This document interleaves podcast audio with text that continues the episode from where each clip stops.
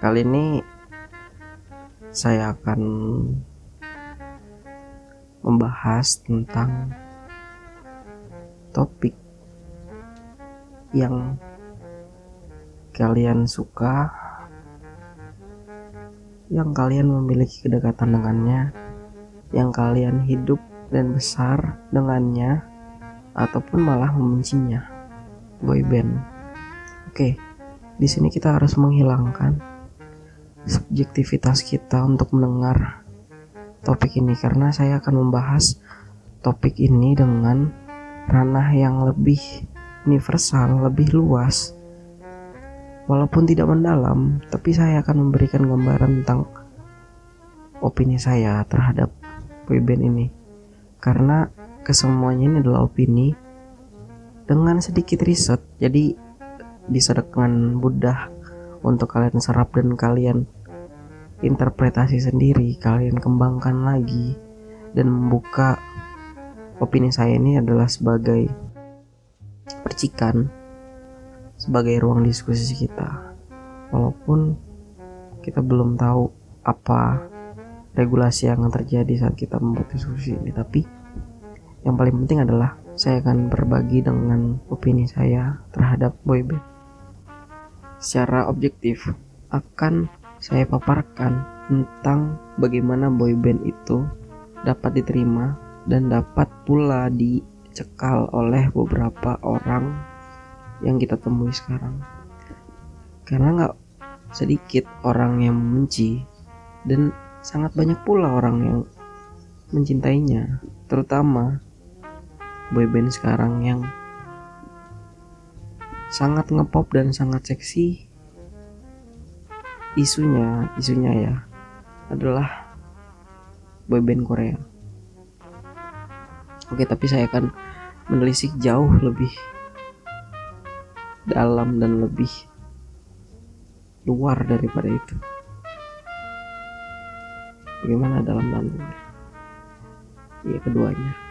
Oke kalau mau mulai kita membahas boyband mungkin kita mulai dari sejarahnya dulu ya nah sejarahnya boyband itu sebenarnya turunan dari beberapa genre-genre musik yang populer sebelum boyband itu terbentuk.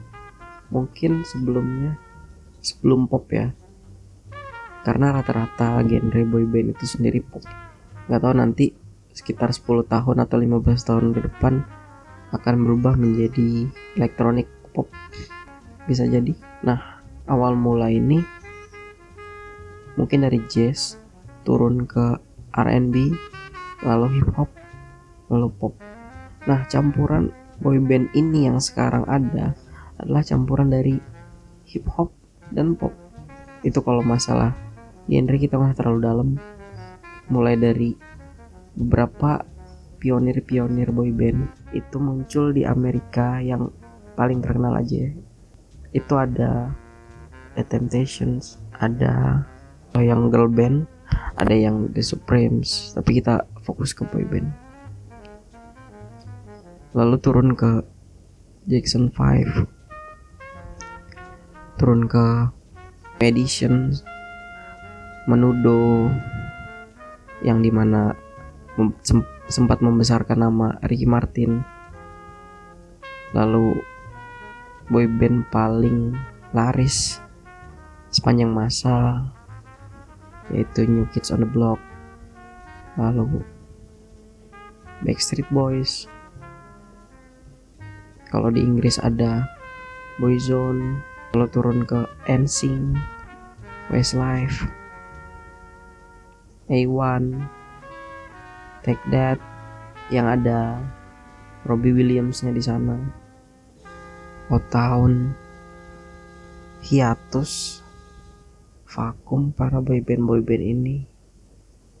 Mungkin lari ke Asia kali ya adanya F4 lalu One Direction sampai boyband boyband boyband Korea yang sekarang ini seperti EXO, Big Bang dan lain-lain.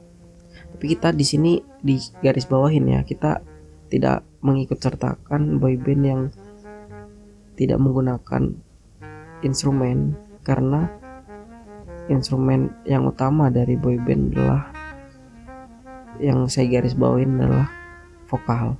Kita nggak mengikut sertakan kayak The Beatles yang katanya juga boyband semuanya nyanyi kecuali Ringo gitu walaupun The Jackson 5 juga rata-rata megang instrumen kecuali Michael.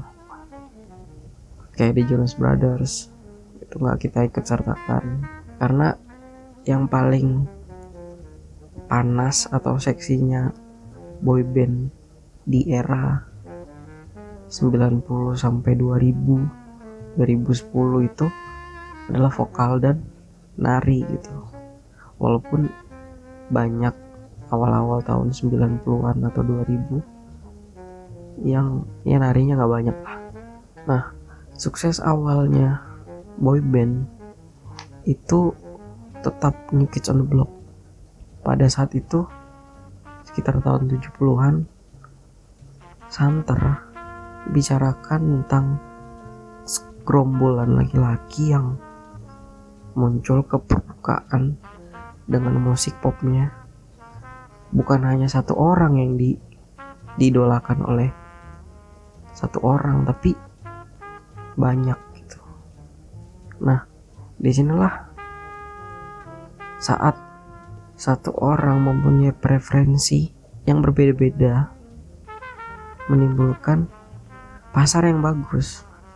Ini sebenarnya konsep kapitalisme di mana satu orang penting dan pasti memiliki satu preferensi yang berbeda dengan orang lain. Akhirnya muncullah gagasan boyband dari New Kids on the Block pada saat itu sekitar, sekitar tahun 70-an dan 80-an yang membawa pesan anak muda anak muda yang ringan bebas. Kebanyakan kayak film-film The Breakfast Club atau Grease. Nah selanjutnya. Hal ini muncul pada saat setelah New Kids on the Block tidak begitu bertahan, muncullah salah satu pionir boy band di Amerika Serikat juga, yaitu Backstreet Boys. Nah, saya pernah lihat satu video, nggak tahu sekarang masih ada atau enggak. Saya lihat di YouTube itu tentang ada lima anak kecil gitu lagi nyanyi sambil nari sekitar berumur 10 sampai 12 tahun lah orangnya. Dan itu adalah Backstreet Boys. Jadi mereka udah dibentuk dari tahun yang sangat dini gitu. Dari umur yang sangat dini. Nah, Meruak muncul ke permukaan beberapa tahun setelahnya dengan beberapa debut-debut hit kayak I Want It That Way ataupun I'll Never Break Your Heart itu mungkin sebelumnya terus diasumsikan adalah sebagai the new new kids on the block. Pertengahan tahun 90-an sampai akhir awal 2000 dan ini dibenarkan gitu oleh banyak orang. Kalau di Inggris itu kan tadi di Amerika. Kalau di Inggris ada juga gitu. Sepertinya kayak mereka pengen menduplikat komposisi boyband yang ada di Amerika terutamanya Backstreet Boys pada saat itu. Lalu membuat Boyzone tapi masalahnya di sini Boyzone walaupun berusaha ataupun tidak menduplikat Backstreet Boy dari opini saya itu mereka sedikit mengikuti dengan konsep bisnis yang sama membuatlah Boyzone gitu kalau nggak salah produsernya udah Simon Cowell bukan ya? Tapi sekitaran gitulah. Ada ikut campur tangannya Simon Cowell nah lalu Boyzone ini lemahnya ada di komposisi vokal. Komposisi visual sangat baik. Nah komposisi visual yang saya maksud adalah dengan segi fisik yang mumpuni yang katanya adalah sebagian besar orang-orang yang menganggap orang Inggris itu nggak menarik gitu. Orang-orang seksi British. Itu orang-orang section British. British section itu nggak menarik. Entah itu di sekitaran Irlandia, Skotlandia ataupun Inggris Wales dan sebagainya itu nggak menarik gitu. Tapi di saat Buizon lahir itu menunjukkan komposisi dari segi visual yang baik gitu. Kecuali vokal vokalnya. Vokalnya di sini sangat lemah. Coba aja bisa dilihat dari lagu Picture of You di mana mereka bukan mereka si Ronan Keating aja yang paling bersinar di sana. Itu kayak Ronan Keating dan backing vokal gitu. Yang lainnya tuh nggak ada ikut kontribusi. Itu di lagu itu doang ya nah akhirnya yang menarik adalah dari skema perboybandan di Inggris adalah mereka estafet. Estafetnya gimana? Nah, setelah Boyzone itu tidak berhasil dengan keluarnya Ronan Keating yang memulai solonya, Simon Cowell itu membuat boyband yang akhirnya menjadi hit di Inggris bahkan di seluruh dunia yaitu Westlife dengan komposisi yang lebih matang dengan posisi visual dengan komposisi vokal yang baik. Walaupun tetap penulisan penulisan musik penulisan lagu aransemen masih dinominasi oleh para penulis musik hit. Ya itu nanti kita bahas di lain hal. Yang penting visual dan vokal berjalan akhirnya Westlife itu melebihi ekspektasi dari produser. Tapi yang menarik adalah Inggris belum berani pada saat itu ya, belum berani masuk ke pasar Amerika karena mungkin pasar Amerika masih didominasi oleh pasarnya Backstreet Boys. Nah, Backstreet Boys masih bertengger nih di Amerika. Tapi Westlife ini secara pasar lebih mendominasi Asia. Asia yang saya maksud adalah Jepang, Korea, Korea Selatan, Filipina, Malaysia, Singapura, bahkan Indonesia sendiri. Mereka merajai itu lebih dari Backstreet Boys di Asia dengan beberapa lagunya yang sampai saat ini kita dengar. Mungkin beberapa dari kalian yang kelahiran tahun pertengahan 90-an yang pada awal-awal 2000-nya itu mendengarkan lagu-lagu Westlife. Berarti pasar Westlife lebih terima di Indonesia dibandingkan Backstreet Boys. Mungkin yang lahiran tahun 80-an akhir mendengarkan Backstreet Boys kali ya. Nah sukseslah Westlife siklus selanjutnya adalah nanti saya bahas. Kita beralih. Menurut lini masanya kita harus lihat. Di Indonesia di lini masa yang sama setara dengan NSYNC mereka membuat boyband bahkan di Indonesia tertular boyband dengan membuat satu boyband yang bernama ME nah ME ini dengan salah satu hit singlenya atau ya cuma satu-satunya hit singlenya itu Inikah Cinta. Berhasil mendobrak bahwasanya Indonesia juga dapat berbuat hal yang sama gitu. Dan di tahun yang sama NSYNC dengan Justin Timberlake-nya sangat hit. Di Amerika juga walaupun tidak sefamiliar atau tidak sesukses boy uh, Backstreet Boys. Lanjut ke beberapa awal-awal 2000 atau akhir 90-an muncul boyband boyband yang baru gitu. Kayak Blue A1 O-Town terus Take That Take That sebelum itu 98 Degrees 5 oh iya sebelumnya karena ini nggak pakai script saya agak ngacak-ngacak ya. Nah sebelumnya ada boyband yang keren banget. Bisa dibilang boyband yang paling keren sepanjang masa gitu. Kayak nama itu Boys to Men.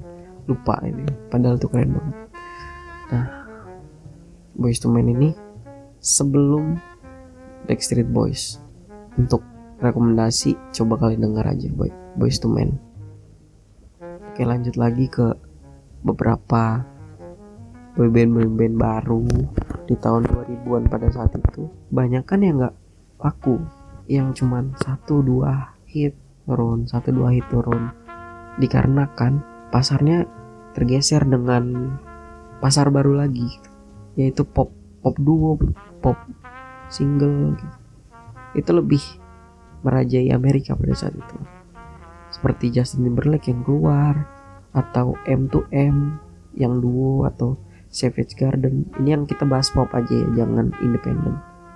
Nah single-single kayak Britney Spears Rihanna ini tuh lebih lebih dapat dikonsumsi publik dengan penulisan juga sih. Aransemen dan penulisan ini sangat bergantung. Padahal penulisan musiknya hampir sama dengan orang yang sama. Karena juga produsernya kebanyakan nggak jauh-jauh dari mereka. Produser boyband ataupun single solo duo gitu. Nah akhirnya 2000-an tengah atau 2000-an 2000-an kuartal kedua lah. Kalau kita bahas per kuartal ini mulai berkembangnya boyband di Asia gitu. Saya belum mendalami boyband di Asia itu seperti apa. Yang saya tahu F4 merajai Asia dengan juga single sorry dengan juga membuat seri Meteor Gardennya gitu. dan itu membuat cikal bakal adanya atau berkembangnya boyband boyband yang ada di Korea nanti. Nah, menariknya adalah F4 ini juga merajai Asia, juga merasa Indonesia. Indonesia sangat kita selain Westlife mungkin boyband yang paling dekat dengan kita dengan beberapa kali tour dan sebagainya adalah F4 nah boyband Taiwan ini itu santer banget di Indonesia pada saat itu. Karena seri TV-nya yang juga ada di Indonesia tayang di Indonesia dan banyak mungkin kalian bisa menambahkan selanjutnya masuk beberapa tahun Setelahnya, Simon Cowell yang merajai pencarian bakat televisi pencarian bakat di seluruh dunia. X Factor, America's Got Talent, SS Got Talent, segala macam menemukan komposisi yang sempurna dalam pencarian bakatnya itu. Lulusan X Factor ini adalah estafet selanjutnya yang saya bilang di awal. Yang saya bilang sebelumnya estafet dari Boyzone Westlife. Lanjutlah ke boyband ini yaitu One Direction. Hal itu One Direction ini kayak membuat suatu percikan baru bagi perboybandan di Amerika. Membuat suatu sebenarnya bukan Amerika sorry di Inggris sehingga mereka tembus santero dunia, santero bukan hanya di Inggris, di Amerika juga mereka tembus pasarnya. Sehingga ada boyband boyband baru gitu yang ya nggak inilah kayak The Wanted gitu dan sebagainya gitu. Mungkin yang yang di Amerika ada Fifth Harmony gitu yang girl band gitu tapi nggak tahu. Nah akhirnya mungkin di badan dan tubuh manajemen One Direction juga belum bagaimana juga personilnya masing-masing memiliki egoisme yang tinggi akhirnya mereka pecah lah gitu. Tidak seharmonis dulu. Yaitu itu itu adalah konsekuensi yang harus ditanggung ya. Banyak kan juga kayak gitu gitu. Semenjak Jackson 5 kehilangan Michael juga sama gitu. Dengan Robbie Williams yang keluar dari Take That dengan Justin Timberlake yang keluar dari NSYNC dan sebagainya itu adalah konsekuensi. Karena konsekuensi dari boy band atau girl band ini adalah mereka mempunyai basis fansnya sendiri-sendiri gitu. Nah fansnya ini ya kemungkinan memiliki komunitas baru lagi yang ngebuat satu boy band ini bukan hanya sekelompok orang tapi satu orang gitu dia bisa ditarik satu orang gitu. inilah di sini politik politik itu tadi yang awalnya bermaksud untuk membuat preferensi terhadap banyak orang jadi bumerang sendiri gitu mungkin ini ada umurnya kali ya preferensi ini ada umurnya saat tidak saat tidak terinovasi dengan manajemen yang bagus akhirnya mereka memiliki perbedaan yang tinggi dalam tingkat satuan dalam tingkat individu. Bisa aja coba. Misalnya lah kayak kita ketemu gitu dengan orang yang suka boy band. Kamu suka One Direction suka siapa gitu? Kan pasti ditanya kayak gitu mungkin ya. Saya juga nggak begitu ini dengan One Direction. Pasti ada preferensi suka dan tidak sukanya dalam hal ini. Di sini yang menarik adalah boyband itu bisa memasukkan unsur psikologis dalam bisnis dan budaya musik. Lalu akhirnya masuklah ke boyband Korea. Dan akhirnya di sini berkembang pesat boyband ini dengan konsep sama yaitu konsep mega bersama yang menyatukan sorry yang memisahkan, memecahkan preferensi publik terhadap orang yang dipilihnya, terhadap individu yang disukainya. Ya mungkin orang yang suka EXO kamu suka siapa gitu. Aku suka ini gitu. Oh ya, kamu suka yang siapa? Enggak, aku nggak suka ini dia cupu gitu. Mungkin aku juga suka yang ini karena dia orangnya agak pendiam gitu. Bagi perempuan juga memiliki pada dasarnya memiliki interest yang berbeda dong terhadap setiap laki-laki. Inilah yang menjadi basis utama dari pembuatan atau pembentukan boyband. Kayak yang kita tahu di Indonesia sendiri ada Smash pada waktu itu sekitar tahun akhir akhir kuartal dari 2000 mau masuk ke 2010 kita tahu kayak ada satu gap yang ada dua kubu gitu antara pembenci boyband dengan penyuka boyband mungkin yang dikait-kaitkan adalah penyuka boyband itu adalah yang ke perempuan-perempuanan dan perempuan yang menyukai basis yang menyukai boyband adalah perempuan gitu. Oke mungkin ini benar gitu. Mungkin ini benar. Tapi tetap ada preferensi yang tadi saya bilang sebelumnya bahwasanya laki-laki eh bahwasanya perempuan memiliki preferensi berbeda-beda terhadap kesukaannya dalam memilih personel boyband yang disukai. Kayak misalnya saya suka sama sama siapa salah satunya itu gitu.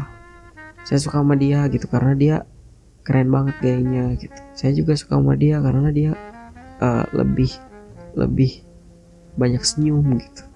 Mungkin kali ya gitu tapi ada banyak yang seperti itu gitu. Nah, sekarang yang ditontonkan adalah kita memilih preferensi visual yang kita banggakan. Beda dengan eranya Backstreet Boys, Blue, Westlife dulu gitu. Kita memiliki preferensi terhadap satu-satu orang, tapi memiliki kualitas karakter vokal yang beda, ya kan? Coba denger Blue gitu, atau Westlife, NSYNC, itu pitchnya mereka beda-beda gitu saat pitch beda-beda. Kita dapat satu harmoni gitu. Buk kita bukan bukan nyari kayak ada orang nyanyi bareng yang sama semua gitu loh. Sama semua tangga nadanya. Yang semua bariton semua. Yang semua sopran semua. Enggak gitu. Tapi kita butuh juga sopran bariton bassnya juga kita butuh. Nah inilah yang yang kita lupa gitu. Mungkin saya juga luput karena saya belum mendengarkan boy band boy band Korea maksudnya. Saya belum mendengarkan itu dan belum tahu kualitas mereka apakah memiliki kualitas yang sama dengan pionir boyband sebelumnya gitu. Dan saya juga tidak mengkotomi bahwasanya ada kelas antara boyband Korea, Amerika ataupun Inggris bahkan Indonesia gitu. Saya, saya tidak mengkotomi karena saya juga mengkritisi dari beberapa negara tersebut gitu. Dan juga saya mengapresiasi dari beberapa negara tersebut. Tapi saya lebih mengetahui atau tidaknya aja gitu. Ini menarik karena uh, saya angkat ini karena saya juga hidup dengan boy band dari saya masih kecil. Tapi saya berhenti setelah awal pertengahan tahun 2000 yang sudah berhenti gitu. setelah T5 ya kalau di Indonesia tuh. Dan tofu tofu kira-kira boy band gak ya? Saya suka banget tofu dengan uya kuya yang zaman dulu gitu. Ya sekian aja dulu. Untuk lebih lanjutnya mungkin saya luput. Akan saya bahas di episode berikutnya karena yang saya bicarakan opini ini adalah opini dari saya pribadi dengan apa yang saya lihat dan saya dengar pada saat itu pada saat saya merekam ini. Karena mungkin kalau saya pengen buat serius itu bakal makan waktu lama dan sangat dalam banget. Kalian pengen mau dengerinnya mungkin saya akan buat satu satu bahasan baru luar dari kanal ini. Oke untuk kalian yang mendengarkan terima kasih. Selamat malam pagi dan siang ataupun sore